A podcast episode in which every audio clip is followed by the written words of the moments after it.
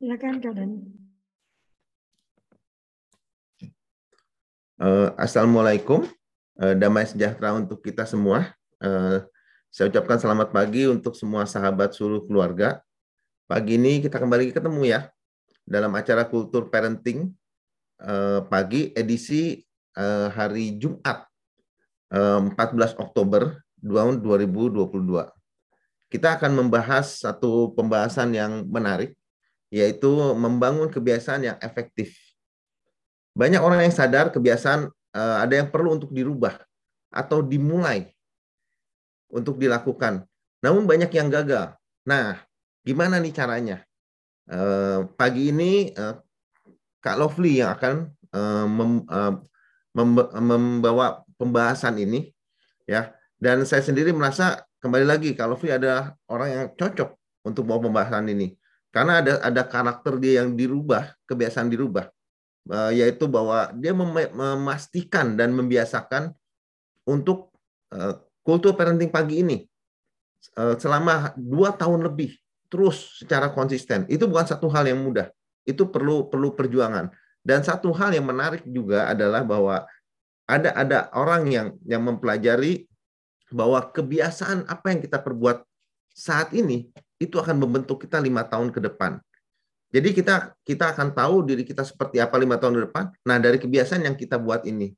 Jadi nggak tunggu lama lagi. Uh, silakan kalau boleh untuk untuk membawa sharing ini untuk membantu kita dan juga membantu anak-anak kita mempunyai kebiasaan yang efektif. Terima kasih. Terima kasih Kak Dani. ya eh, teman-teman, apa kabar? Ini hari ini sepi ya. Sebetulnya pagi ini uh, jadwalnya itu Kak Ane ya membawakan uh, topik, uh, tapi rupanya uh, beberapa bulan, uh, khususnya bulan ini ya, uh, ada yang mau Tuhan kerjakan ya. Jadi saya berkali-kali di bulan ini dapat kejutan-kejutan dari teman-teman narasumber ya, uh, seperti kata Kak Kak Irwan kemarin kan, saya harus mulai bisa uh, ini lagi uh, lebih ber, beradaptasi lagi ya. Jadi kalau ada yang nggak bisa ya harus siap ya. Cuma memang eh, apa topik pagi ini uh, uh, bukan uh, memang topik yang sudah saya persiapkan, cuman uh, kemarin itu karena satu dan lain hal topik ini sebenarnya tidak akan dibawakan gitu ya. Tapi karena karena tadi kemarin Kak Anu menyatakan tidak bisa hari ini, maka saya memutuskan saya rasa topik ini uh, masih relevan ya untuk kita bicarakan. Bagaimana sih kita tuh membangun kebiasaan baik? Ini karena kita cuma sedikit kita diskusi ya. Uh, kalau menurut teman-teman ya, boleh uh, bicara langsung, boleh chat saja. Adakah kebiasaan kita sekarang, ya kita atau anak-anak atau keluarga yang perlu ditambah atau perlu diubah? Ada nggak? Kak Vivi, Kak Rini, Kak Fatnur, punya nggak kebiasaan yang uh, perlu ditambahkan atau ternyata perlu diubah gitu? Saya ya. Silakan Kak Deni. Ya, uh, banyak banyak gitu. Uh, kalau di saya pribadi kebiasaan yang yang dari dulu uh, saya perjuangkan dan sulit. Jadi dulu tuh ada, ada dua lah yang saya perjuangkan. Pertama adalah untuk konsisten ya konsisten. Sampai saya tuh memaksa diri saya untuk makan obat pun saya bilang harus habis nih obatnya gitu. Karena nanti baca buku belum habis beli buku baru lagi gitu. Nah jadi saya belajar lah untuk itu. Nah itu udah banyak perbaikan. Tetapi untuk menunda nah ini nggak tahu ya kayak udah banyak sekali untuk maksudnya eh, udah berusaha coba coba. Bisa coba paling ya untuk beberapa case gitu bisa langsung oke okay, jangan tunda. Pokoknya apa yang bisa kerjakan hari ini hari ini gitu. Tapi banyak case tetap aja menunda juga gitu. Sampai frustasi gitu ya. Kayak gitu kalau hmm. Jadi pengen mengubah kebiasaan menunda. Saya banget ya sebetulnya tapi juga ada perkembangan dalam nah uh, kalau teman-teman yang lain nanti ada pertanyaan kedua ya. Kak Vivi silakan. Hai Kak Irwan.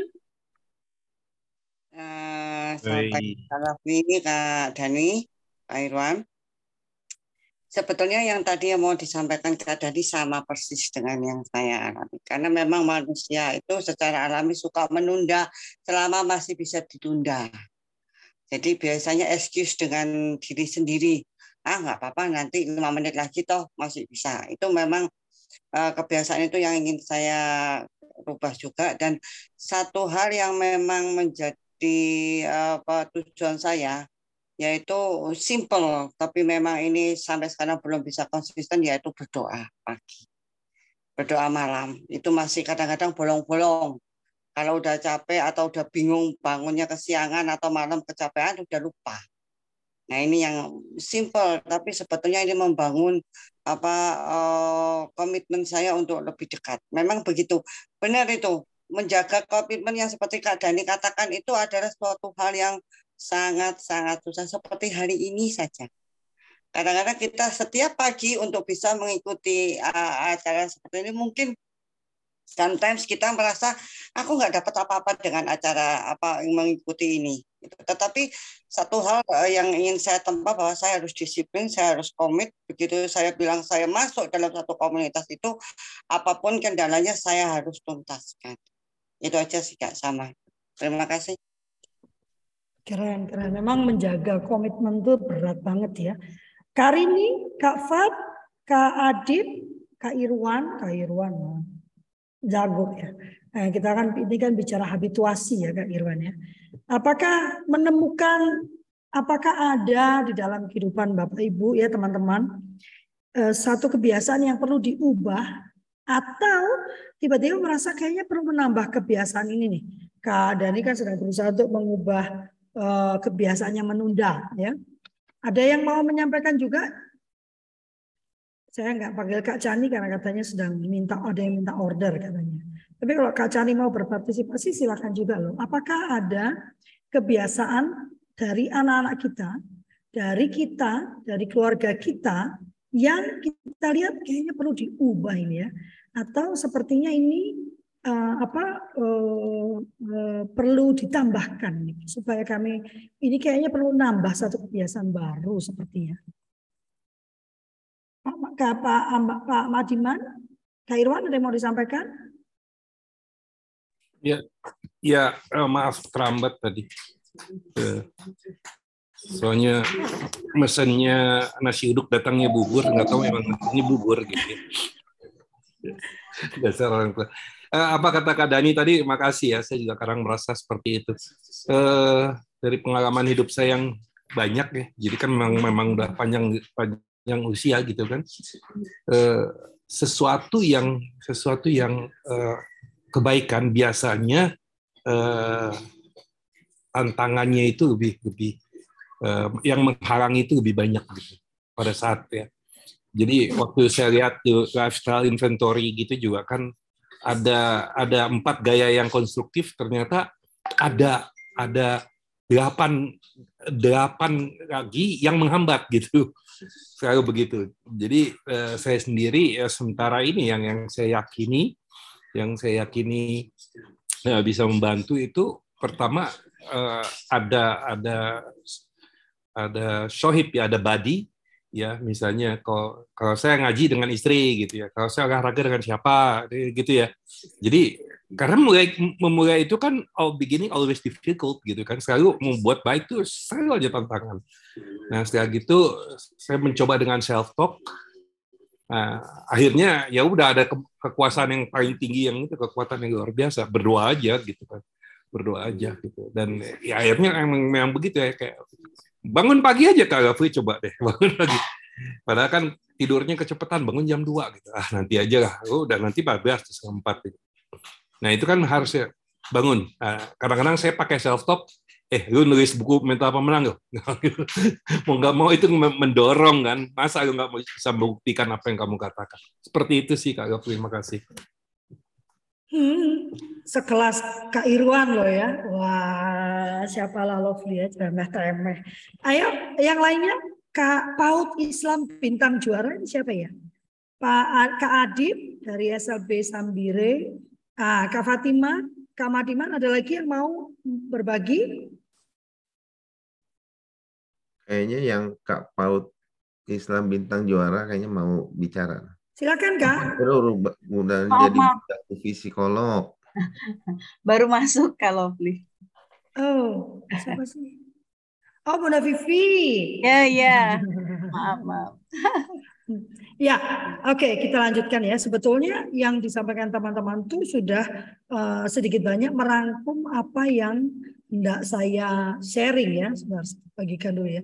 Dan ini sebenarnya kalau untuk teman-teman yang sudah pernah mengikuti pelatihan uh, suluh keluarga, uh, ini salah satu yang kami uh, berikan. Mengapa? Karena setelah mempunyai perubahan paradigma berpikir terkait apa terkait uh, pengasuhan, maka ada kebiasaan-kebiasaan yang perlu diubah Ya, ya. Nah, ini saya nggak akan panjang-panjang. Nanti silakan teman-teman uh, apa uh, membaca sendiri karena beberapa sudah ada. Tapi saya mau menyepakati dulu apa sih kebiasaan itu. Kebiasaan itu sesuatu yang bi yang biasa dikerjakan dan sebagainya.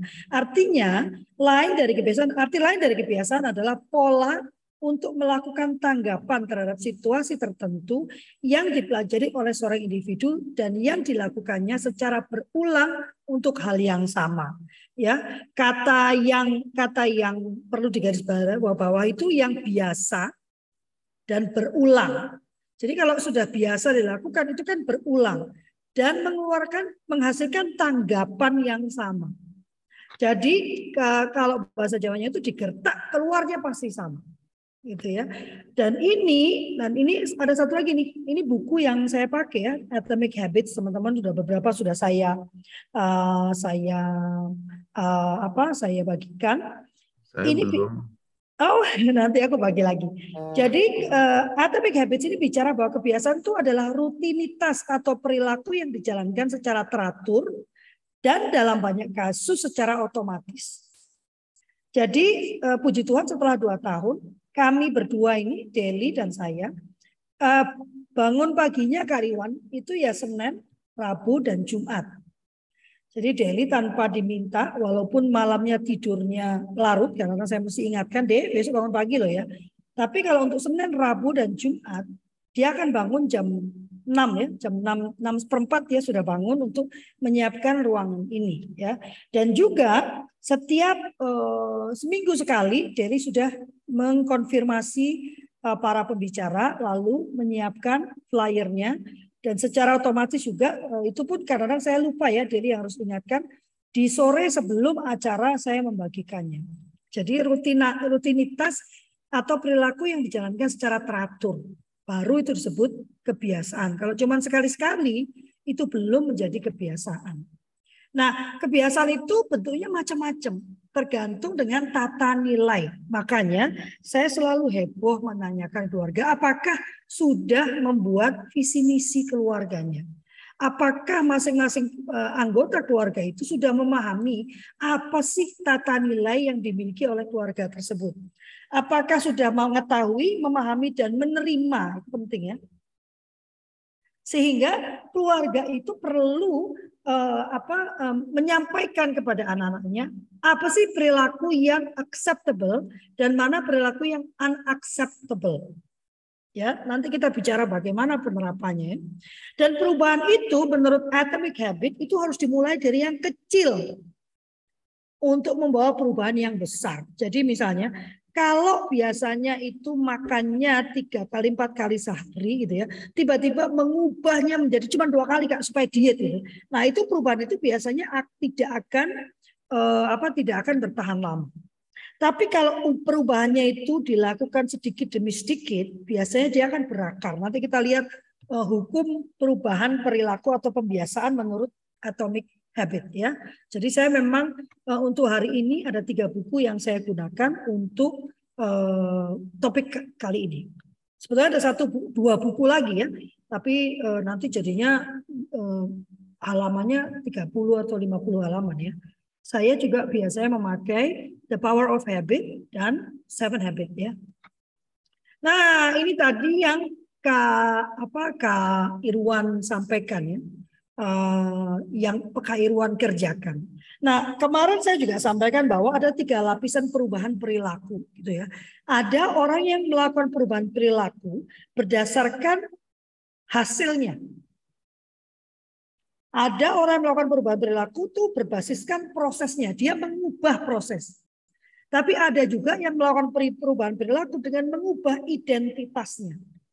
Bagaimana dengan hasil itu misalnya ini, saya uh, akan uh, apa akan uh, turun berat badannya karena saya gemuk ya paling gampang kan pakai contoh berat badannya 10 kilo dalam tiga bulan sehingga kemudian saya membuat habit yang baru misalnya tidak lagi makan setelah jam 7 malam tidak lagi uh, makan goreng-gorengan gitu kan tidak lagi uh, tidur malam karena katanya tidur malam itu membuat uh, obesitas makin merajalela tetapi survei membuktikan, nah ini udah kayak squeeze ya, orang yang melakukan perubahan pada hasil itu rata-rata gagal. Mengapa? Karena pada saat hasil itu tidak nampak atau bouncing, oh, sudah turun nih 3 kilo, wah semangat gitu kan. Eh bulan depannya naik lagi gitu.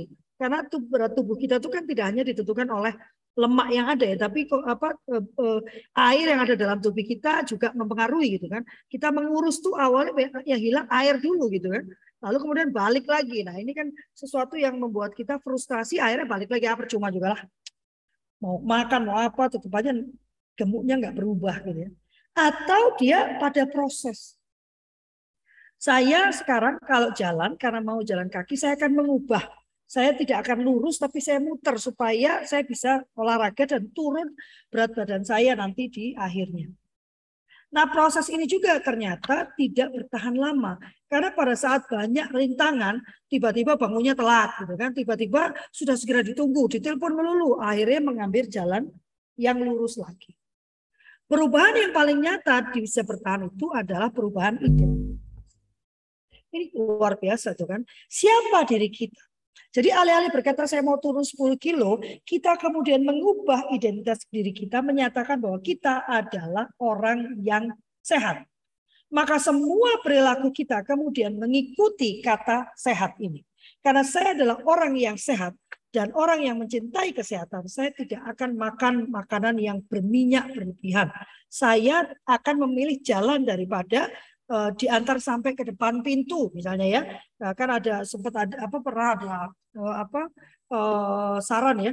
Kalau berhenti itu jangan di depan pintu tapi di parkiran yang agak jauh sehingga jalannya agak jauh. Paling tidak berapa langkah kak? Lima ribu kalau nggak salah ya satu hari itu ya ya dan begitu banyak gadget yang yang disediakan nah ini tadi tadi kak Irwan berkata pada saat kak Irwan ingin melakukan perubahan atau membuat kebiasaan baru, maka Kak Irwan mencari apa yang bisa membuat Kak Irwan bersemangat melakukannya. Nah, ini lingkaran kebiasaan. Jadi kita tuh mesti menyediakan clues-clues gitu ya yang perlu kita kerjakan saat kita membuat kebiasaan tersebut. Lalu ada gairahnya. Tadi Kak Irwan bilang paling asik itu kalau jalan pagi Kak Lovely, saya berteman. Jadi ada teman jalan pagi gitu ya. Sehingga semangat dia pergi jalan pagi. Lalu ada tanggapannya dan ada ganjaran. Tanggapannya itu kita menyatakan, ah hebat, asik ya kita jalan pagi-pagi ini ya gitu ya. Dan itu perlu dinyatakan. Ganjaran perlu diberikan tapi bukan terus setelah pagi bangun jalan pagi berdua terus nongkrong di uh, bubur ayam di pojokan gitu ya. Habisnya dua mangkok itu percuma aja jalan paginya ya. Tapi kita mencari ganjaran yang akan membuat kita teringat kembali oleh uh, komitmen awal kita dan akan membuat kita bergairah. Jadi saya sendiri paling suka memberikan hadiah untuk diri saya ya atas pencapaian saya. Sayangnya ke, uh, hadiah saya itu kebanyakan makan. Jadi kalau saya seharian sibuk kerja gitu ya Kak Irwan ya saya memberi hadiah kepada diri saya sendiri so I will have like a nice dinner by myself ya. saya selalu berkata oke okay, you work hard lovely so you deserve this. Jadi uh, sebelum saya menyerahkan hasil kepada orang lain saya memberi hadiah kepada diri saya sendiri atas kerja keras yang saya kerjakan. Nah ini nanti uh, di apa dibaca saja ya. Ada beberapa hukum yang disampaikan oleh uh, atomic habit. Yang pertama menjadikannya terlihat, yang kedua menjadikannya menarik, yang ketiga menjadikannya mudah, yang keempat menjadikannya memuaskan. Ini ada. Nah, tadi yang saya sampaikan bahwa kebiasaan itu dimulai dari yang kecil-kecil. Jadi kita bukan langsung mengubah kebiasaan jadi satu perubahan yang besar, yang drastis, yang revolusioner. Tetapi menurut Atomic Habit ini kita ubah satu kebiasaan dulu yang kecil, lalu setelah itu eh, mulai bertahan kita tambahkan kebiasaan yang lain. Bertahan lagi ditambahkan. Jadi kita punya yang namanya jurnal perubahan kebiasaan. Jadi selalu ada petunjuknya, ada gairahnya, ada tanggapannya, ada ganjarannya. Ini tadi buat menjadi terlihat. Nah, ini kan mengisi kartu nilai untuk kebiasaan. Jadi dituliskan dulu. Apa sih yang mau kita kerjakan? Apa yang mau kita ubah atau apa yang mau kita tambahkan? Lalu ada implementasi niat, ya kan? Aku akan melakukan ini pada waktu itu di mana? Supaya perubahan itu benar-benar jelas gitu. Enggak kapan, apa, pokoknya suka-suka Lalu penumpuk kebiasaan. Kalau ini sudah setelah ini, jadi pertama pokoknya bangun tidur aja dulu, ya. Bangun tidur karena saya ini ya bangunnya setengah enam sebetulnya. Jam enam pagi saya sudah bangun. Tetapi itu bangun itu buka mata ya. Nah, pertanyaannya kapan Kak Lovely bangkit dari tempat tidur dan memulai kegiatan? Nah itu itu yang yang beragam ya. Ya, uh, wah kamu kok mintanya banyak banget kok Kak ya uh, apa beragam ya. Jadi enggak ini ada permintaan, Kak, saya mau buku ini ini ini ini ini. Ya. ya. Nanti saya kasih satu buku, kemudian tunjukkan ke saya kalau dibaca. Karena saya sering kali ngasih buku dan ternyata dilewatkan begitu saja ya. Jadi males ngasihnya ya. Nah, uh, setelah itu jadi kebiasaannya kita ambil mana lalu apa gitu kan kapan Menuju ke mana? Sedikit-sedikit ditumpuk. Saya memutuskan untuk bangun pagi dulu. Oke. Setelah itu bangun pagi, bangun itu definisinya apa?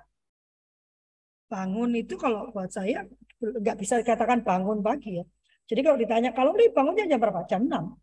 Kan kamu nanyanya bangun. Jadi cuma buka mata dan sudah sadar. Itu kan jam 6. Tapi melakukan kegiatannya jam berapa kalau Nah itu pertanyaannya ya. Kadang-kadang saya baru bangkit berdiri jam 7, kadang-kadang jam 8. Kadang kalau hari Senin, Rabu, Jumat ya jam 6 sudah langsung bangun ya berdiri gitu kan. Paling tidak keliling-keliling untuk, membawa kesadaran saya. Nah kalau sudah bangun, saya memutuskan setelah bangun karena perubahannya adalah bangkitnya kan. Maka saya bangkit berdiri itu dulu. Setiap pagi bangun bangkit, setiap pagi bangun bangkit, setiap pagi bangun bangkit. Setelah itu ditambahkan lagi saya kalau sudah bangkit dari tempat tidur, saya akan langsung menuju kamar mandi untuk cuci muka. Saya tambahkan satu kali lagi. Nah, kemudian ini yang keempat yang penting menurut saya ya, merancang lingkungan. Jadi Kak Irwan misalnya ya, kalau saya kemudian mau membiasakan bangun pagi, bangkit berdiri, bersihkan badan atau mandi, kemudian keluar untuk olahraga. Nah, kalau saya mau melakukan kebiasaan itu, maka jalur saya untuk melakukan itu harus diubah menjadi mudah. Jadi jangan mandinya di lantai, tidurnya di lantai satu, nanti mandinya di lantai dua, terus ganti bajunya nanti di ruang yang ini, terus sepatunya di bawah. Tidak akan terjadi itu. Menurut Atomic Habits, bukan menurut Lovely. Jadi kalau mau seperti itu, maka sepatu itu harus diletakkan di tempat yang terlihat dan siap digunakan. Gitu ya Kak Irwan ya. Jadi bangun, bajunya juga jangan apa baju itu sudah menyelip di dalam lemari mesti diterno. Dari malam itu saya sudah kita sudah menyiapkan baju yang akan kita pakai untuk olahraga yang uh, jangan GR dulu ya, belum Lovely lakukan kan saya bukan mau mengubah yang itu ya. jangan oh berarti kalau tiap pagi lari jalan pagi. Ah itu belum ya, itu masih berusaha diubah juga. Nanti dianggap overclaim ya. Nanti orang-orang di rumah protes, "Mama ngomong apa itu hoax itu kan." Saya hanya menyontohkan perubahan karena tadi berdasarkan apa yang Kak Irwan sampaikan ya. Sehingga lingkungan itu perlu diubah. Misalnya saya mau membaca buku, tadi Kak Rusmin Dani bilang, selesai. Maka itu harus dibuat mudah. Harus ada misalnya Kak Rusmin membuat satu tempat di mana Kak Rusmin punya ruang yang nyaman untuk membaca. Paling tidak sekian menit sehari. Dulu itu eh, Kak Yanti membuat gerak. Jadi dia sendiri membiasakan dirinya lima menit saja dalam satu hari membaca buku. Nanti besoknya diulang lagi lima menit, ditambah lagi gitu. Jadi berapa halaman yang tercapai dalam lima menit itu? Ya, saya belum berhasil karena untuk orang ADHD ya, ADHD itu kalau dilakukan lima menit ya dapat apa-apa saya. Menuju konsentrasinya aja udah lama banget gitu ya. Nanti masuk ke konsentrasi baru, konsentrasi sebentar udah bubar gitu ya. Nah ini saya sedang mencari cara supaya saya punya kebiasaan membaca lagi seperti dulu. Karena sekarang ditumpuk oleh banyak kegiatan, saya sulit menemukan waktu untuk duduk diam dan membaca itu ya. Jadi merancang lingkungan, kemudian jadikan dia menarik. Jadikan mudah. Ini kalau menarik ini kayaknya jadi yang coba lihat saya lihat. Jadikan mudah. Kurangi hambatan, kurangi jumlah tahap antara Anda dan kebiasaan baik Anda. Ini penting kalau menurut saya. Mau membaca, gitu kan? Saya mau buat anak saya punya kebiasaan membaca. Lalu bukunya itu saya sampul yang cakep gitu ya pakai yang dulu kan zaman saya anak-anak raka itu masih sekolah ya. Tiap awal semester tuh kerjaan saya adalah menyampul ya. Jadi buku-buku dia itu disampul yang rapi-rapi karena saya ingin kelihatan rapi. Dan ternyata dengan begitu Raka tuh mau ambil buku aja takut karena takut nanti kan kalau udah kita kerjain bagus terus sobek bisa kita ngomel-ngomel kan. Gimana sih kamu? Ini buku udah mama sampul bagus-bagus. Ini buku mahal tau. Dan itu menjauhkan dia dari kebiasaan melihat buku ini sebagai sahabatnya. Sama dengan kalau kita ingin membuat anak terbiasa membaca, tetapi buku itu kita jadikan sesuatu yang keramat, yang tidak boleh rusak, tidak boleh lecek gitu untuk sementara untuk ini ya, maka tidak akan terjadi kebiasaan itu. Atau ruang membacanya kita letakkan di depan TV. Jadi buku-bukunya ditaruh di depan TV. Jadi kalau baca, yang satu pengen baca, yang satu pengen nonton TV, ya bentrok. Dan itu kebiasaan tidak akan terjadi. Maka hambatannya dikurangi menuju ke tempat membaca dipermudah. Tempat buku anak-anak dipermudah dijangkau. Buku itu pun dipilihkan yang awal-awal yang mungkin it's replaceable. Ya, bisa gampang digantikan kalau anak kita masih kecil. Waktu anak saya masih kecil, saya selalu beli bukunya yang bekas dan saya belinya nggak satu, bisa biasa tiga gitu ya, dalam judul yang sama. Karena almost pasti itu mereka akan uh, apa Eh, karena masih satu dua tahun tiga tahun itu kan masih diremet ya masih di karena mereka sedang belajar meremas ya jadi pasti sobek lah lecek lah dan uh, untuk menghindari saya berteriak saya membeli buku-buku yang bekas atau saya beli buku yang memang uh, tapi ini saya nggak nggak nggak saya sarankan ya uh, buku yang tebal misalnya karena sebetulnya meremas itu ada masanya dan dia memang harus meremas. Nah untuk meremas biasanya yang saya lakukan saya beli brosur, saya ambil brosur-brosur tuh di toko-toko itu ya. Lalu saya jalin menjadi satu satu rangkaian cerita. Nah, nanti mereka boleh merobek itu. Menyiapkan lingkungan sebaik mungkin, menguasai momen yang menentukan, menggunakan aturan dua menit. Ah, ini juga ya, aturan dua menit itu adalah nanti ada uh, five seconds uh, rules ya. lima empat tiga dua satu go. Gitu ya. Nah ini dua menit. Jadi usahakan kita dari langkah mengawali sampai menuju ke kebiasaan kita itu di bawah dua menit. Kalau lebih dari itu, menurut buku ini akan sangat berpotensi membuat kita tidak bisa uh, apa tidak bisa mengubah kebiasaan kita. Otomatisasi kebiasaan ini misalnya kalau yang mau lari atau jalan 5000 ya belilah atau nggak usah belilah. Di ponsel kita itu tinggal download Strava misalnya atau apalah aplikasi-aplikasi itu yang membuat kita uh, ingat. Atau ya kita buat catatan sudah membaca akan ada di sini ada agenda ya ada jadwal ya membaca tiga halaman ditulis sudah tiga halaman dua halaman. Tapi keeping track of your behavior atau habit itu sangat penting untuk membuatnya terlihat bahwa kita sedang melakukan kebiasaan ini. Dan memuaskan ya. Makanya ada pemantau kebiasaan. Jadi kita udah lihat wow saya kemarin udah melakukan ini besok lagi ya besok lagi ya. Dan jangan mangkir dua kali jadi kalau satu kali lupa besok segera kembali jangan lupa ya sudah sudah lupa ntar balik satu lagi nah ini sesuai dengan five second rules. lima tiga lima empat tiga dua satu kerjakan. Jadi kalau mau apa-apa jangan tunda. Itu no, saya harus bangun. lima empat tiga dua satu bangun loh. Ya. Nah, ini kan tidak memberi ruang lakukan segera. Ya, tadi yang procrastination tadi ya Kak Dani ya. Jadi kalau sudah mau mikir nggak no. 5 4 3 2 1 lakukan. Kalau perlu sebutkan 5 4 3 2 1 kerjakan gitu ya. Uh, nanti aja no 5 4 3 2 1 kerjakan. Ya. Yang ini penting ubah rutinitas pagi dan Anda akan melihat perubahan di semua aspek hidup Anda.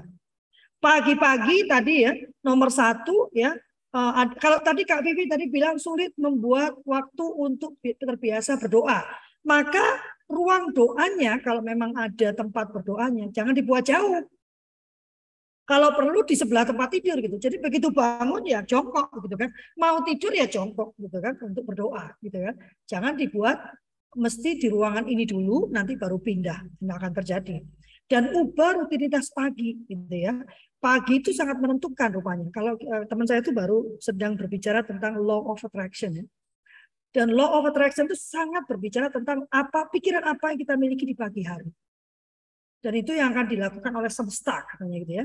Nah, ini maka di pagi hari kita harus melatih diri kita untuk mengubah rutinitas pagi itu untuk membawa pada kebiasaan baik. Rasakan eh, aktivasi energi saat Anda mendorong diri Anda mengerjakan hal yang sederhana. Jadi tidak usah mulu yang sederhana-sederhana dulu. 4, 5, 4, 3, 2, 1, ayo. Ya. Nah, kalau tadi kita bicara dengan anak-anak, ini yang perlu saya sampaikan. Kemarin teman-teman bicara ada hukuman, Kak. Jadi ada punishment, ada rewards. Gitu ya. Ini mungkin agak lupa dengan yang ini. Kenapa sih tidak menghukum? Ternyata menghukum itu ter terbukti meningkatkan kebohongan dan ketidakpatuhan. Jadi makin Anda menghukum, sebetulnya ini makin mendorong anak untuk berbohong dan tidak patuh. Yang kedua, menghukum itu ternyata ini penelitian yang dilakukan oleh uh, Parenting by Grace ya, penulisnya. Ini membuat anak-anak makin menentang dan makin keras kepala. Anak yang dipukul ternyata rata-rata intelijensianya rendah. Ah, dan menunjukkan prestasi yang buruk di sekolah. Kreativitasnya lebih rendah dan mengambil resiko yang tidak tepat. Jadi bukan uh, pengambil resiko tapi nekat gitu ya ternyata. Menunjukkan ketidakmampuan eh berkata tidak dalam yang berbahaya atau merendahkan dirinya. Jadi anak yang sering dihukum, yang mendapatkan hukuman, saya nggak bicara sering nanti, tapi anak saya nggak sering dihukum kok kak. No. Anak-anak yang mendapatkan kebiasaan lewat hukuman, ternyata dia justru tidak berani berkata tidak. Dan Bapak Ibu tahu ya, kakak-kakak tahu ya, betapa bahayanya tidak berani berkata tidak di saat kita sudah masuk ke usia dewasa. Memukul terbukti meningkatkan perilaku kekerasan mengganggu orang lain, terutama bagi anak laki-laki, dan perasaan malu atau segan bagi anak perempuan.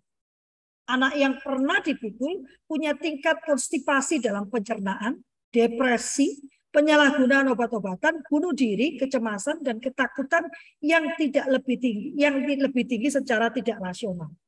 Salahnya, Semakin lama orang tua menggunakan hukuman fisik pada anak-anak mereka, semakin anak cenderung untuk menunjukkan perilaku yang melawan atau menyimpang saat mereka remaja.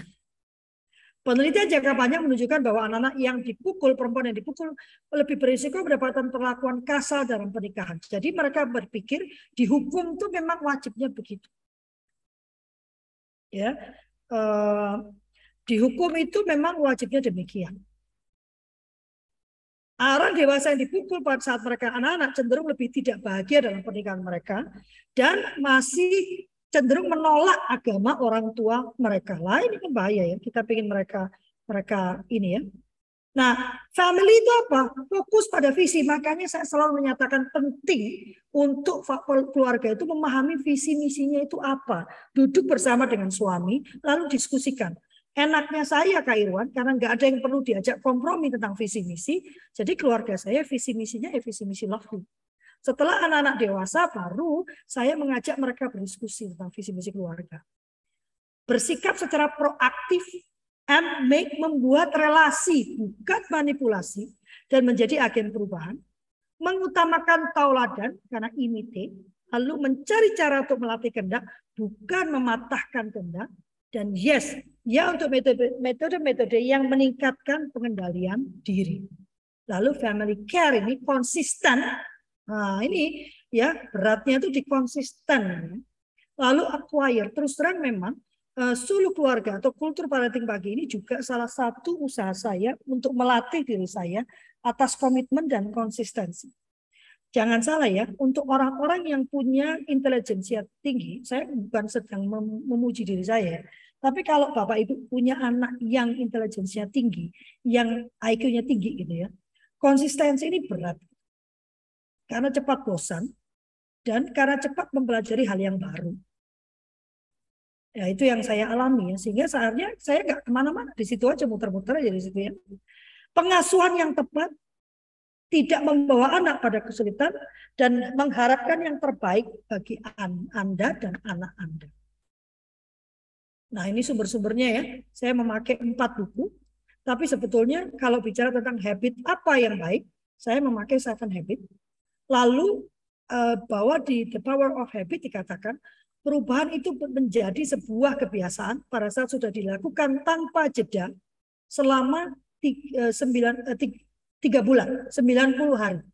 Jadi kalau selama 90 hari kita mencoba membiasakan untuk membaca buku, satu hari itu Anda tidak membaca buku, maka hari kedua itu dianggap sebagai hari pertama lagi dalam proses pembentukan habit.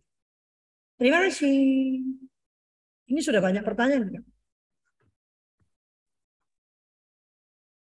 Ada tuh ada pertanyaan ya. Pak Muhammad siapa ini? Pak Adib ya. Pak Adib, uh, sebetulnya kita punya IG ya. Kak Deli boleh menuliskan alamat IG kita ya, juga di TikTok.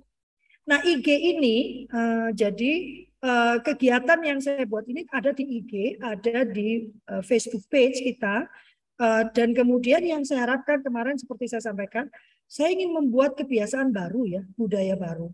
Saya tidak ingin mengambil semua jejaring orang gitu ya, Kak Irwan ya.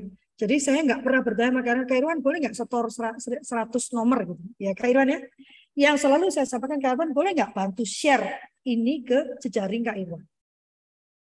Jadi hari gini ini bukan hari di mana kita mengumpulkan kayak sales gitu ya Kak Dani ya, mengumpulkan nomor sebanyak-banyaknya gitu ya. Tetapi saya berharap apabila Pak Adib merasakan um, Eh, kegiatan seperti ini sangat bermanfaat, Kak Adib boleh membantu kami karena ini kegiatan kami memutuskan ya Kak Dani ya bahwa kultur parenting pagi ini akan selalu gratis. Jadi silakan ke Bapak membagikan Pak ke jaringan Bapak. Nah kemudian nanti siang secara otomatis Kak Deli akan membuat rangkumannya dari pembicaraan yang disampaikan dalam bentuk video lebih mudah lagi ya. Jadi dia rangkum lalu dijadikan VT. VT itu kemudian di-upload di uh, TikTok kami. Namanya apa deh? Sulu Keluarga .id juga ya. Ini sudah diberikan TikToknya ya Sulu Keluarga ID. Lalu Instagram kami di sulukeluarga.id. Kak Deli selalu letakkan di situ. Eh, kira-kira uh, tiga jam setelah acara ini karena dia perlu merangkum ya jadi luar biasa anak saya ini ya. Dia akan merangkum pembicaraan kita, lalu dia akan masukkan ke VT. Jadi Kak, Adib boleh juga melihat ke dalam VT-VT itu. Dan acara kita ini selalu di live-kan di YouTube kami Kultur Parenting. Ayo segera, karena saat ini eh, eh kami memutuskan menghilangkan uang iuran, tetapi nanti kami akan meningkatkan layanan lewat Eh, pengelompokan video-video yang sudah ada. Sudah ada lebih dari 150 video Pak Adib ya di kultur parenting. Di kultur parenting ya. Nah, nanti kalau uh, Kak saya sedang minta uh, Kak Dani sedang berusaha membuat supaya itu bisa dikelompokkan dan baru itu di log. Nah, jadi yang gratis tuh acaranya Zoom ini dan YouTube-nya saat Zoom berlangsung. Ya, nanti setelah itu kami akan membuat itu jadi layanan per tema ya Kak Doni ya. Ya. Per tema dan silakan nanti eh, teman-teman uh, bisa uh, apa teman-teman bisa uh, memilih temanya nanti diikuti dengan semua powerpointnya dan juga penjelasannya. Begitu ya Kak Adip? Jadi mohon bantuan teman-teman untuk membagikan kalau memang dirasakan bermanfaat ya. Uh, lalu ini Kak, Kak Feni, kalau Feni saya masih kesulitan mendisiplinkan diri menghindar dari scroll medsos. Saya edik. Terkadang saya ingin mendelete medsos saya saja. Bagaimana cara memulainya? Karena saya ingin memulai kembali kebiasaan membaca yang dulu sering dilakukan. Nggak ada absen, sudah ada, sudah dibagikan oleh Kak Delia. Oke, uh, bagaimana caranya? Nah, ini nanti uh, operate bulan depan memulai uh, hidup apa memulai kegerakan uh, hidup teratur ya. Uh, saya mau pakai bukunya KonMari ya uh, terkait tentang uh, apa penyusun hidup ya. Nah, menyusun hidup ini uh, salah satunya saya tahu mendelete uh, medsos tuh berat banget loh, nggak nggak gampang ya. Cuman kalau kita mau mengurangi uh, kebiasaan men-scroll, maka medsosnya di satu tempat aja. Jadi di handphone ini tidak ada medsos. Gitu ya, di handphone ini tidak ada medsos. Uh, yang ada itu di laptop. Oh, nggak bisa kak TikTok oh, enggak. TikTok sekarang juga bisa di laptop. Jadi TikToknya di laptop saja. Gitu di handphone tidak diberikan uh, tidak di-downloadkan medsos. Tapi kemudian memberikan diri Anda untuk waktu bermedsos ria setiap hari dengan membuka laptop. Wah nanti pas saya kerja baca laptop terus, baca medsos terus ya kak ya. Cuman kak Feni, eh, sepemahaman saya nih, ya, sepengalaman saya, saya dulu juga edik juga ya dengan Facebook, dengan Instagram itu upload aja ya, terus baca aja ya. Cuma sejalan dengan mengalihkan uh, kebiasaan saya ke kebiasaan yang lain. Jadi kalau kakak mau sering membaca, jadi medsosnya dipersulit. Makanya di, di, di apa di di di apa di uh, hapus. Tapi juga setiap kali kakak hari ini kakak membuat tulisan medsos satu kali baca ya. Jadi ada listnya gitu kan. Di sore hari kalau medsosnya berkurang satu aja, beri hadiah untuk diri kakak sendiri besok dilihat berkurang. Sehingga itu tadi kan uh, buat mudah, buat terlihat, buat memuaskan. Gitu ya Kak Feni ya. Dan bagusnya sekarang kalau Kak Feni perhatikan, sekarang tuh Facebook Kak Irwan. Jadi ada kadang saya tuh kan uh, kalau seharian tuh banyak kegiatan yang kemudian ditunda atau di, dibatalkan. Waktu ini kan ini ya sulit uh, adaptasi itu saya sulit ya. Jadi kalau saya aku udah bilang hari ini mau ngapain, tiba-tiba berubah itu BT-nya lama. Nah itu uh, iya, jadi akhirnya saya ke Facebook gitu kan, bacain satu-satu gitu ya. Nggak komen saya cuma baca satu-satu melihat apalagi ada real ya. Nah Facebook itu kemudian memberikan warning kan. Aja ada warningnya bahwa saya sudah terlalu lama ada di Facebook gitu. Bagus juga ya. Nah mungkin nanti uh, kita kita buat lebih sulit gitu kak uh, akses ke Facebook. Kalau perlu di log out. Jadi kan kalau mau ke Facebook mesti login lagi gitu kan. Nah jadi Setiap kali selesai itu di log out Facebooknya. Uh, Instagramnya di log out. Nanti kalau sudah baru login lagi. Jadi langkah menuju kebiasaan yang tidak diinginkan itu dipersulit. Langkah menuju kebiasaan yang diinginkan itu dipermudah.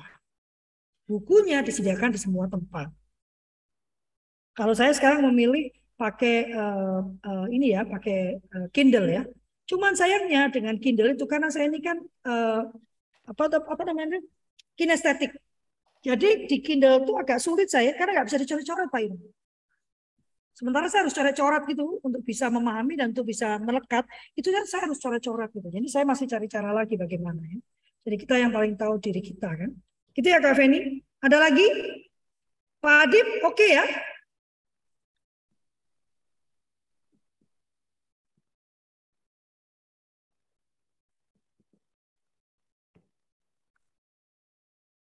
Ada lagi yang mau bertanya atau Hai Kak Titin. Nah. Pak Irwan, mana si, Ad, si siapa namanya? Aditya, ibunya ini. Tahu-tahu pas dibuka diditnya di situ. Enggak ini dokter Ferry kan? Iya dong. Ayo. Ayo. Pak Tommy, apa kabar? Udah lama sekali nggak pernah muncul Pak Tommy. Baik Bu, baik. Iya. iya iya. Saya udah ikut YouTube Bu, ikut YouTube biasanya. Oh, Oke. Okay, iya iya. Okay. Selama okay. sekali padahal Pak Tommy dulu juga termasuk yang rajin loh. Terus ngilang. Iya iya iya. Saya berangkat pagi terus pas YouTube aja saya ikut Bu. Oh iya. iya, iya. Terima kasih Pak Tommy sudah mendukung kami. Iya, makasih Bu. Ada lagi Kak Frita, apakah ada lagi yang mau disampaikan? Kita masih punya waktu 10 menit lah ya. Sebelum ruangan ini dikooptasi oleh Kak Dani, Kak Dani dan Kak Irwan. Ya, Kak Irwan nanti kita langsung aja kali di sini ya ngobrol-ngobrolnya. Ada lagi yang mau disampaikan. Jadi um, mengubah perilaku perubahan itu dimulai dari yang kecil. Dimulai dari perubahan identitas diri kita. Ya, kita mengubah identitas diri kita bahwa saya adalah jadi disepakati dulu kita mau menjadi siapa. Lalu diubah identitasnya. Keluarga ini adalah keluarga yang mencintai Tuhan misalnya. Jadi kita ubah identitasnya. Kami akan memulai satu kebiasaan baru ya pagi. Kak Deli masih setengah menyepakati ya baru masih setengah ya belum sepenuhnya menyepakati tapi kami mau mengubah perilaku ya, kebiasaan baru ini dan saya sedang menyiapkan pirantinya untuk kebiasaan baru pagi hari yang akan kami coba tanamkan di keluarga kecil kami. Kecil banget orang cuma berdua saya dan Deli ya, di rumah ini. Uh, tapi saya mau mencoba merubahkan, mengubahkan uh, uh, lobbynya ke Deli ini lama banget ya. Uh, ini sudah agak membuka diri tapi belum menyatakan oke okay, gitu ya.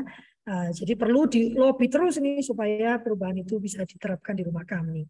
Nah, setelah itu dilakukan, maka saya perlu juga menyiapkan uh, mekanisme ganjaran, gitu ya. Ganjaran artinya ganjaran itu bukan berarti dihukum ya, tapi apabila kami berhasil melakukan melewati itu selama satu minggu, uh, apa yang akan kita sepakati untuk menjadi ganjaran kami berdua, gitu ya, karena sudah melakukan kebiasaan baik itu. Uh, Delhi membutuhkan uh, piranti yang berbeda karena dia lebih nyaman dalam bahasa Inggris. Kemarin kami sudah pesan gitu ya. Moga-moga dengan uh, menemukan titik nyaman buat kami berdua itu lebih mudah bagi kami memulai kebiasaan baik yang akan kami terapkan. Dibuat mudah, dibuat mencolok terlihat gitu ya jadi nanti perlu ada saya perlu mengubah uh, apa mengubah tata letak uh, rumah kami nah itu memang hobi saya ya saya senang mengubah ubah tata letak rumah dan kemudian nanti kami perlu uh, membuatnya jadi mudah terlihat memuaskan gitu ya. Nah, bagian memuaskan ini yang saya perlu cari bagaimana agar kami berdua puas dengan perubahan yang terjadi. Begitu? Benar nih, nggak ada yang nanya nih. Coba, Kak Vivi? Wah, udah di jalan. Iya. Eh, belum. Tadi oke persiapan. Oh. Paling susah itu, saya ingin tanya, mungkin triknya sampai sekarang saya masih belajar bagaimana menanamkan kebiasaan komitmen ya seperti tadi oh, terhadap anak remaja. Kan memang mereka itu uh, mudi ya. Jadi kadang uh, anak saya itu futsal, kecuali kita arahkan ke basket, dia bilang nggak mau. Nah hmm. itu pada saat basket itu uh, kita ajarkan komitmen juga. Capek, lelah, tetap kamu harus latihan basket. Saya saya kasih motivasinya begini. Kalau kamu memang ini sudah masuk, ya bukan masalah bayarnya, saya bilang gitu. Karena udah bayar eman mah kalau nggak ikut nggak latihan bukan. Saya bilang kalau memang kamu coba komit, tapi setelah kamu komit eh, ternyata nggak cocok atau nggak passionnya bukan di situ, kita menyerah. Jadi tidak saklek seperti itu. Cuma yang sampai sekarang memang susahnya yaitu triknya bagaimana menanamkan kebiasaan efektif terhadap anak-anak remaja. Ini masih saya apa mencoba mencari solusinya kalau. Terima yang, kasih. Yang pertama visinya mesti disepakati dulu. Kedua identitasnya mesti disepakati dulu. Bukan kita yang memberikan, dia yang memberikan. Karena kalau kebiasaan itu assign, itu namanya bukan kebiasaan, itu namanya peraturan ya. Eh, itu ya. Eh, tapi kalau Kak Vivi ingin nanti long lasting, dia tidak ada pun itu tetap dia lakukan. Eh, Kak Vivi gak ada pun itu tetap dilakukan. Ya Kak Vivi. Maka yang pertama dia harus menyepakati dulu. Maka diskusinya tuh lama di penyepakatan. Dan harus berdasarkan kepentingan dia. Dia harus benar-benar bisa melihat apa manfaatnya dan dia menyepakati manfaatnya.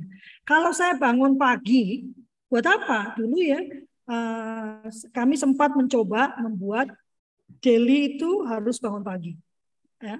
Atau kemarin masa pandemi, orang tua mengeluhkan anak-anak tuh nggak bisa lagi bangun pagi. Pertanyaan saya sebetulnya, bangun pagi terus mau ngapain? Nggak ada Iya. kegiatan. kan? Ya. Maka yang perlu kita Itu ubahkan tuh yang ditanyakan anak saya bukan bangun pagi, pagi. mandi. Ya, ngapain sih aku harus mandi? Nah, Untuk apa aku mandi? Nah, Nah. itu pertanyaannya. Nah, itu yang mesti disepakati. Menurut kamu, mandi itu untuk apa? Ini sebetulnya pembelajaran biologi yang luar biasa. Apa yang terjadi dengan tubuhmu di saat kamu tidur? Ayo kita cari. Makanya bagi saya ya, eh, eh, eh, saya tuh kurang bersepakat kalau orang bilang enggak kalau Fli, Kak Dani ya, bahwa eh, apa pelajaran-pelajaran yang di pendidikan dasar itu dipilah-pilah. Karena enggak semua dipakai. Kalau menurut saya, selama itu masih pendidikan dasar menengah ya, itu semuanya terpakai. Biologi, fisika, kimia. Kak Dani nyupir. Dalam proses Kak Dani nyetir, itu fisika banyak banget. Benar nggak? Ilmu fisika dipakai banget. Matematika apalagi? Sudut ya, kalau mau parkir aja. Sederhana kita mau parkir gitu. Itu kan main sudut, itu kota, kotangan, si tangan kotangan, ya kan? Itu bicara tentang eh, apa? eh, kalau kita memperhitungkan panasnya dengan mesin itu biologi, itu kimia gitu ya. Banyak banget sebetulnya. Cuman kelemahannya eh, pembelajaran kita tuh tidak kontekstual. Jadi tidak dipahami oleh anak mengapa perlu dipelajari. Padahal kalau bicara tadi bangun pagi, kenapa mesti mandi? Di dalam situ ada pembelajaran tentang biologi. Pembelajaran tentang kimia. Kalau kamu kena air dingin di pagi hari, Pak Irwan nih tahu nih. Kalau Pak Irwan maunya kalau pagi selalu mandinya pakai air dingin ya kan Pak Irwan? Itu kan ada alasannya. Karena pada saat kita mandi dengan air dingin, pori-pori tubuh terbuka semua gitu ya Pak Irwan ya. Sehingga membuat kita terbangun. Makanya orang, saya waktu di Jerman tuh ya, dia itu nggak mandi. Dan saya sulit sekali membiasakan diri dengan itu. gitu. Karena buat saya kalau belum mandi itu ya badan saya itu masih ngomongnya belum bangun ini masih tidur. Gitu. Tapi pada saat saya mandi baru terbuka otak saya itu semuanya baru bangun. Gitu. Nah diskusikan dengan anak orang itu. Mandi pagi itu coba apa fungsinya? Kalau kamu nggak mandi, tapi kalau dia bilang ya aku nggak mandi juga oke oke aja kok aku tetap semangat. Oh ya sudah nggak apa-apa. Berarti mandi paginya di skip tempat semangat. Tapi pada saat itu dia gini, kenapa kamu kok lemes? Nggak tahu nih. Coba kita coba mandi pagi-pagi. Jadi lemes nggak? Jadi kalau dengan anak itu eh, remaja tidak remaja menurut saya, jangan eh, harus wajib gitu. Tapi kita ajak berdiskusi sehingga dia pun terbiasa untuk mengembangkan pemikirannya dan mengambil keputusan sesuai apa yang dia mau. Ya, Mes- meskipun berat, saya melihat dua anak saya berusaha mengambil keputusan yang eh, sesuai dengan eh, tata nilai yang sudah kami terapkan dan kami sepakati bersama. Meskipun berat banget saya tahu ya beberapa keputusan itu. Gitu ya Kak Vivi. Jadi tidak lagi, jadi memang lamanya didiskusi. Sama ya Kak Irwan, kalau kita mau perang, lamanya itu kan di planning ya. Planning itu kan diskusi penerapan. Strateginya ya. Yes. Menyepakati tujuan, ya kan? Menyepakati strategi. Kalau kalau tujuannya nggak disepakati ya strateginya nggak ke mana-mana dong. Gimana bisa menyepakati strategi? Tapi debatnya di situ. Sehingga waktu pelaksanaan mulut kita nggak ribet gitu kan. Lah lah lah, kenapa? Nah, kemarin kan udah disepakati. Mana nih yang kemudian aduh makanya oke nanti kita diskusi lagi. Apa yang ternyata tidak sesuai dengan kenyataan? Apa yang ternyata sangat menyulitkan? Coba kita lihat, apakah kita bisa mengubah kesepakatan itu? Tapi sudah sepakat, ya dikerjakan. Itu berlaku untuk semua. Contoh awal pagi-pagi ya mandi. Ibunya langsung mandi gitu kan. Begitu ya, sudah jam 8 lebih 5. Oke, udah jam 8 lebih 5 ya. Saya coba rangkum sedikit sebelum Kak Lovely yang kasih eh, closing statement. Eh, kalau tadi masalah mandi itu ada ada kawan saya yang bilang, ngapain mandi? Kecoa aja nggak mandi, kulitnya mengkilap katanya. ya, Kecoa. eh, jadi eh, makasih Kak Lovely untuk untuk sharingnya dan saya berasa ini sangat sangat luar biasa sekali ya. Eh, Kak Lovely bisa sharing dari eh, merangkum tiga buku. Pada eh, tadi dimention juga bahwa sebenarnya masih ada lagi buku lain. Jadi eh, luar biasa. Eh, saya eh, tadi dikatakan bahwa yang penting adalah identitasnya. kita harus memastikan bahwa kalau mau berubah yang kalau mau berubahnya itu permanen dan cepat eh, identitasnya dulu yang yang mesti dirubah. Terus juga bahwa perubahan itu harus yang kecil dulu. Kita kadang maunya berubah yang besar, nggak nggak make it gitu. Tapi ubahlah hal-hal kecil supaya akhirnya kita bisa mengubahkan hal yang besar. Untuk saya pribadi, saya benar-benar merasa wah eh, satu masukan yang luar biasa, five second rules ya. Dia bilang bahwa uh, kalau mau kerjakan itu lakukan segera, jangan jangan tunggu lebih daripada lima menit. Dan juga, oh, sorry bukan menit, detik ya. Dan juga dikatakan bahwa uh, apa uh, apa aktivitas atau rutinitas pagi itu sangat-sangat penting dan juga harus kasih energi ketika untuk perubahan itu jangan mau berubah masih malas-malas ya nggak akan nggak akan jadi juga jadi itu hal yang yang saya pelajarin uh, akan uh, sebentar akan ada closing statement dari uh, Kalofli. Mungkin sambil difoto ya Kak Deli ya, sambil closing statement. Silakan Kalofli. Ya, teman-teman, pijakannya tetap sama ya. Pijakannya adalah pada perlindungan atas hak anak. Maka tadi karena pijakannya tetap sama, ingat prinsip perlindungan anak itu ada berpijak pada kepentingan terbaik bagi anak. Lalu ada prinsip mendengarkan pendapat mereka didengarkan. Ya, jadi mereka berperan di dalam kehidupan mereka sendiri.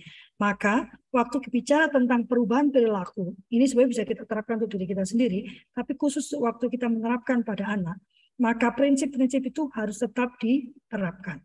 Ya, bahwa prinsip mereka harus dihargai haknya untuk tumbuh dan berkembang itu juga perlu diterapkan. Maka penerapan eh, kebiasaan baik itu mesti memikirkan apakah ini sesuai dengan tumbuh kembangnya ya apakah kemudian sudah tidak melakukan non diskriminasi karena adiknya ya kalau dalam kasus Vivi karena Vivi tahu adiknya itu uh, disleksia maka nggak perlu yang inilah tapi karena kakaknya maka harus melakukan itu gitu ya. Nah itu nanti juga akan timbul pertanyaan gitu ya. Tetapi adiknya ditanya mau nggak mencoba itu? Mungkin bukan kebiasaannya yang berbeda tetapi prosesnya yang berbeda karena dia punya hak yang sama gitu ya. Uh, saya ingatkan lagi untuk tidak lagi tadi sudah ditunjukkan dan saya akan bagikan nanti tidak lagi menggunakan hukuman untuk penguat uh, kebiasaan, tetapi gunakan ganjaran reward untuk memperkuat kita dalam mencapai perubahan perilaku yang kita inginkan. Itu Pak Irwan tuh yang kemarin ya, perubahan perilaku ya Pak ya. Kalau didenda percuma juga ya Kak Irwan ya. Ternyata kemudian pemerintah memakai kegerakan uh, ibu itu ya. Tadi kemarin Kak Irwan cerita ya, bahwa kalau kita memakai masker dan menjaga diri kita, maka kita menjaga kesehatan orang-orang yang kita cintai sebetulnya. Yang ditangkap adalah perubahan identitasnya, yang ditangkap adalah hatinya. Nah, itu pula yang perlu kita uh, kerjakan pada diri kita dan pada anak-anak kita. Tangkap perubahan identitasnya. Kamu mau jadi siapa? Dan orang yang kamu mau ini seperti apa perilakunya? Gitu ya. Terima kasih banyak. Saya yang nutup. Uh, oh, mau... Dani yang nutup dong. Silakan. Boleh. Ya, ya jadi uh, terima kasih lagi. Terima kasih kalau Fli dan juga terima kasih semua sahabat-sahabat uh, seluruh keluarga. Uh, ini ini uh, seperti yang tadi ada Pak Adib ya yang bilang bahwa uh, program ini sangat baik ya, sangat-sangat berguna. Karena itu saya juga mengencourage untuk untuk kakak-kakak uh, sekalian untuk silakan berbagi supaya semakin ramai uh, forum ini, semakin banyak orang juga yang bisa terbantu dan semakin banyak juga hal-hal yang kita bisa belajar di forum ini. Uh, dan untuk itu uh, sebelum saya tutup saya mau memohon maaf sebesar-besarnya bila ada perkataan, pernyataan ataupun gestur tubuh ya yang yang kurang berkenan uh, kami tidak ingin untuk menyakiti atau menghina atau menggurui atau merendahkan Ya, kami hanya ingin untuk membagikan apa yang menjadi keyakinan kami dan apa yang kami lakukan sehari-hari. Sekali lagi selamat pagi. Assalamualaikum. Eh, damai sejahtera untuk kita semua. Terima kasih. Sampai ketemu di hari Senin. Teman-teman boleh leave ya, karena Kak Deli boleh dihentikan live-nya dan, dan ini, tapi jangan ditutup dulu.